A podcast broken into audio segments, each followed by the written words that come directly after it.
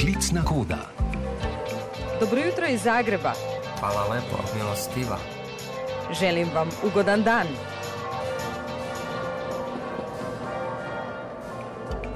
Klicna koda. Nič, nič, 385. Ura je točno 15 minut do 7, ponedeljkovo jutro, 19. april. Bližamo se prvomajskim praznikom, ki veljajo za nekakšen lakmusov papir prihajajoče turistične sezone. V Zagrebu pa zdaj sprašujem našo dopisnico Tanjo Borčič Bernard, ali bomo k malu odšli ali pa letos že šli na Hrvaško na morje. Tanja, dobro jutro. Dobro jutro tudi tebi, a na Hrvaško na more lahko pride že danes, ampak seveda ob negativnem testu ali če si prebolel COVID znotraj šestih mesecev oziroma če si cepljen. Če pa me sprašuješ, ali bodo hrvaške oblasti sprostile takšen režim morda že za 1. maj ali kasneje za poletje, No, na to vprašanje še nimam odgovora, bi pa rekla, da bo naslednji sedajnih pogojev verjetno tudi Evropsko COVID potrdilo, za katerega Hrvaška zelo navija. Glede na trenutne epidemiološke številke tukaj ne verjamem, da bi za prvomajske praznike kakorkoli ublažili režim prehoda meje. Nekaj se sicer govori o dvostranskem dogovoru za slovenske lasnike nepremičnin na Hrvaškem. Eh, ti so imeli tudi lani, če se spomniš, prvi nekoliko blaže pogoje za prehod meje, ampak kot pravim, sedanjimi številkami slabo kaže. Eh, od okrog 100 tisoč slovenskih nepremičnin tukaj jih je seveda daleč največ v Istri na Kvarnerju in prav Kvarner ima trenutno najslabšo epidemiološko sliko v državi in tudi najstrožje ukrepe.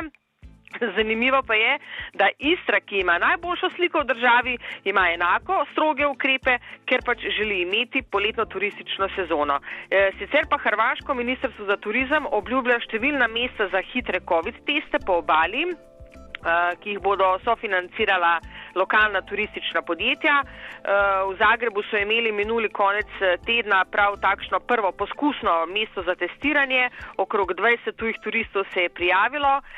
PCR test so zaračunavali 50 evrov, hitri antigenski pa 16. Druge županije Eh, takšnih mest za testiranje še niso organizirale, bodo pa na Kvarnerju, naprimer v zasebnih klinikah ali hotelih, začeli ponujati tudi nekaj, kar se imenuje post-COVID program. No, Ministrstvo za turizem pa je pred dvema dnevoma zagnalo še en program imenovan COVID-Free Zona, tem naj bi pa predvsem promovirali otoke, na katerih korone ni oziroma jo je toliko malo, da ne ogroža turiste, se pravi, hrvaški marketing dela s polno paro, da vsaj nekaj od sezone bo. Ja, vidim, da se na ta način urejevajo tudi posem novi termini in če se še malo navežem na številke, ki si jih posredno že omenjala, v bistvu so številke novo okuženih na Hrvaškem zadnje tedne relativno visoke, ukrepi pa morda presenetljivo niso temu primerni oziroma so precej blagi v primerjavi z drugimi evropskimi državami. Tanja, pri vas je, če dobro vem in spremljam, bolj ali manj vse odprto. Ja, prav imaš. Pri nas vse čas delajo kina, gledališča, eh, trgovine so odprte, terase, lokalov in restauracij prav tako. Eh, no, ta teden se v Zagrebu, naprimer, v šole vračajo tudi višji razredi osnovnih šol, čeprav je bila, mislim, da v sredo skoraj 40 odstotkov pozitivnih. Testiranih ne, na testu. Ampak lokalne oblasti pravijo, da ni veliko okuženih šolarjev, Pozabili pa so seveda, da so višji razredi osnovnih šol in srednje šolci, razen maturantov, doma že od 2. aprila, ko so se začeli spomladanski prazniki. To se pravi, da doma zdaj ostajajo le prvi triletniki srednjih šol, ki bodo nadaljevali s poukom nadaljavom, To pa zato, ker so pač vsi dijaki v veliki meri udeleženci v javnem prevozu in se potem vsi tlačijo v nabito polnih tramvajih, ko gredo zjutraj v šolo. E, zdaj seveda nekatere regije imajo nekoliko strože epidemiološke ukrepe, e, pravo zaprtje, kot smo ga imeli v Sloveniji, pa ima le primorsko-goranska županija. Če ti po pravici povem, ni mi čisto jasna epidemiološka politika Hrvaške, eh, kajti s takšnimi številkami, kot jih imajo zdaj, bodo težko imeli omembe vredno turistično sezono. Brez strožjih epidemioloških ukrepov pa ne vem, kako se bodo te številke znižale. Kako pa je s cepljenjem, kako poteka na Hrvaškem, ali obstajajo prednostne skupine za cepljenje? Ja, cepljenje gre počasi, slabo, eh, odziv ni dober.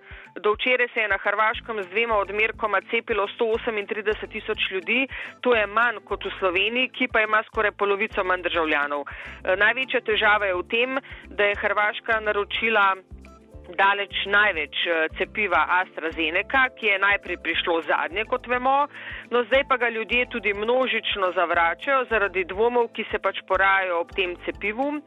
Eh, Hrvaška sicer v prihodnih eh, dveh mesecih pričakuje 1,8 milijona cepiv Pfizer-BioNTech in upajo, da bo potem tudi odziv na cepljenje boljši. Kar se pa tiče prioritetnih skupin, Ja, najprej so seveda cepili starejše, ne še vse, eh, predvsem uporabnike domov, potem pa zdravstvene delavce. Zdaj so naprimer v Primorsko-Goranski županiji začeli cepiti šolnike, eh, druge po državi pa ti še niso prišli na vrsto. Prednost naj bi imeli tudi turistični delavci, ki naj bi jih cepili nekje maja. Eh, vidim pa, da je v Sloveniji trenutno glavna tema cepljenja maturantov, no na Hrvaškem tega nihče ne omenja, verjetno tudi zato, ker niso pač cepljeni niti še vsi starejši občani, pa tudi prioritete so očitno na Hrvaškem drugačne kot v Sloveniji. Ja, ni težava samo pomankanje cepiva, Hrvaški eh, primankuje tudi drugih zdravil. Imeli ste nekaj delno krizo, ko bolnišnice in zdravstveni domovi sploh niso imeli določenih zdravil, ker država farmacevskim uvoznikom več kot leto dni ne plačuje za zdravila. Stanja se je to zdaj uredilo, je vlada vendarle našla denar za zdravila vlada je našla denar oziroma ga bo našla s posojili pri bankah. E, uvoznikom zdravil bolnišnice in lekarne dolgujejo kar 867 milijonov evrov in zgodilo se je pač to, da velika farmacevtska podjetja niso na Hrvaško več hotela pošiljati svojih zdravil, dokler vsaj del računov ne bo poravnan. Seveda država ni plačala vseh dolgov, le manjši delež.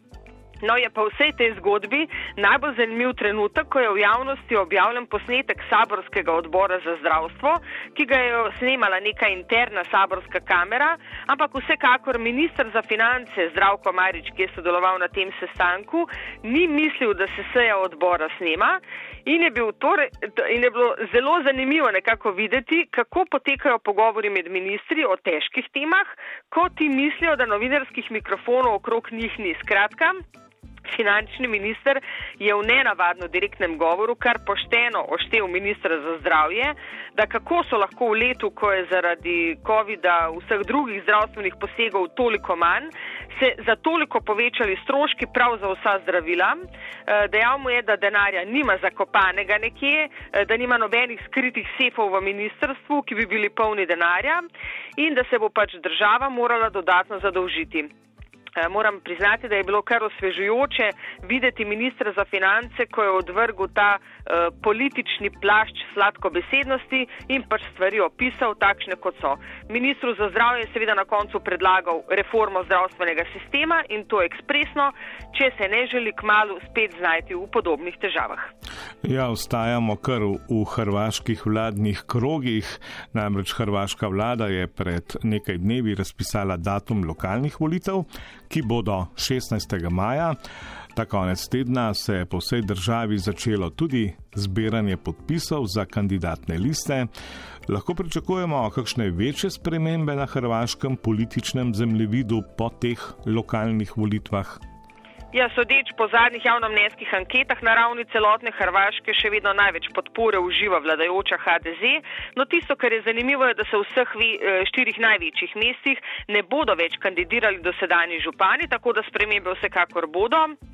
Uh, v Oseku za zdaj najbolj kaže HDZ-evemu kandidatu, na reki SDP-evemu, v Splitu sicer vodi HDZ, no če se v drugi krok uh, uvrsti Ivica Puljak iz stranke Center, potem v vsakem primeru on zmaguje. Tam, kjer je največja gneča, v Zagrebu, mislim, da imamo celo 13 ali 14 kandidatov za župana, pa za zdaj premočno vodi predsednik stranka Zmoremo, Tomislav Tomaševič in v tem primeru bi bile na čelu Zagreba spet leve stranke. In eh, Tanja, morda za konec še vprašanje, ki je vezano na prvovrstno slovensko, ne samo notranje politično temo. Namreč se je Hrvaška v tem uradnem smislu že kaj odzvala na tako imenovani slovenski non-paper, glede na to, da so Hrvati eden izmed treh konstitutivnih narodov v Bosni in Hercegovini in se ta more bitna razdelitev Bosne še kako dotika in nanaša tudi na Hrvaško. Eh, ja, premijer Plenković je bil politično korektno zelo previden. Eh, dejal je, da je o dokumentu bral na nekem slovenskem portalu, uradno pa ga ni videl, niti je Hrvaška o njem obveščena. Eh, zunani minister Grlič Radman je prav tako dejal, da dokumenta uradno ni videl, ter da za Hrvaško kakršnokoli spreminjanje meja v Bosni ne pride v poštev. Najbolj direkten pa je bil predsednik države Zoran Milanovič, ki je dejal, da je vsaka ideja o mirni delitvi Bosne in Hercegovine tako nevarna in neresna, da ne bi smela biti niti na takšnem neuradnem dokumentu in da je ta papir, bo najbolje, da kar citiram Milanoviča, big shit. E, izrazil je še upanje, da dokument ni z Ljubljane, kajti slovenske oblasti precej spoštuje, je dejal in upa, da nihče ni tako bedast. Eto, Milanovič, živopisen, tako kot vedno. Čeprav bi morali na slovenskem nacionalnem radiju prevesti vse, kar je izrečenega v tujem jeziku, verjamem, da večina naših poslušalk in poslušalcev ve, kaj pomeni big shit. Tanja Borčič Bernard, hvala lepa, dober in uspešen teden v hrvaški prestolnici ti želim. Tudi jaz tebi. Lepo zdrav.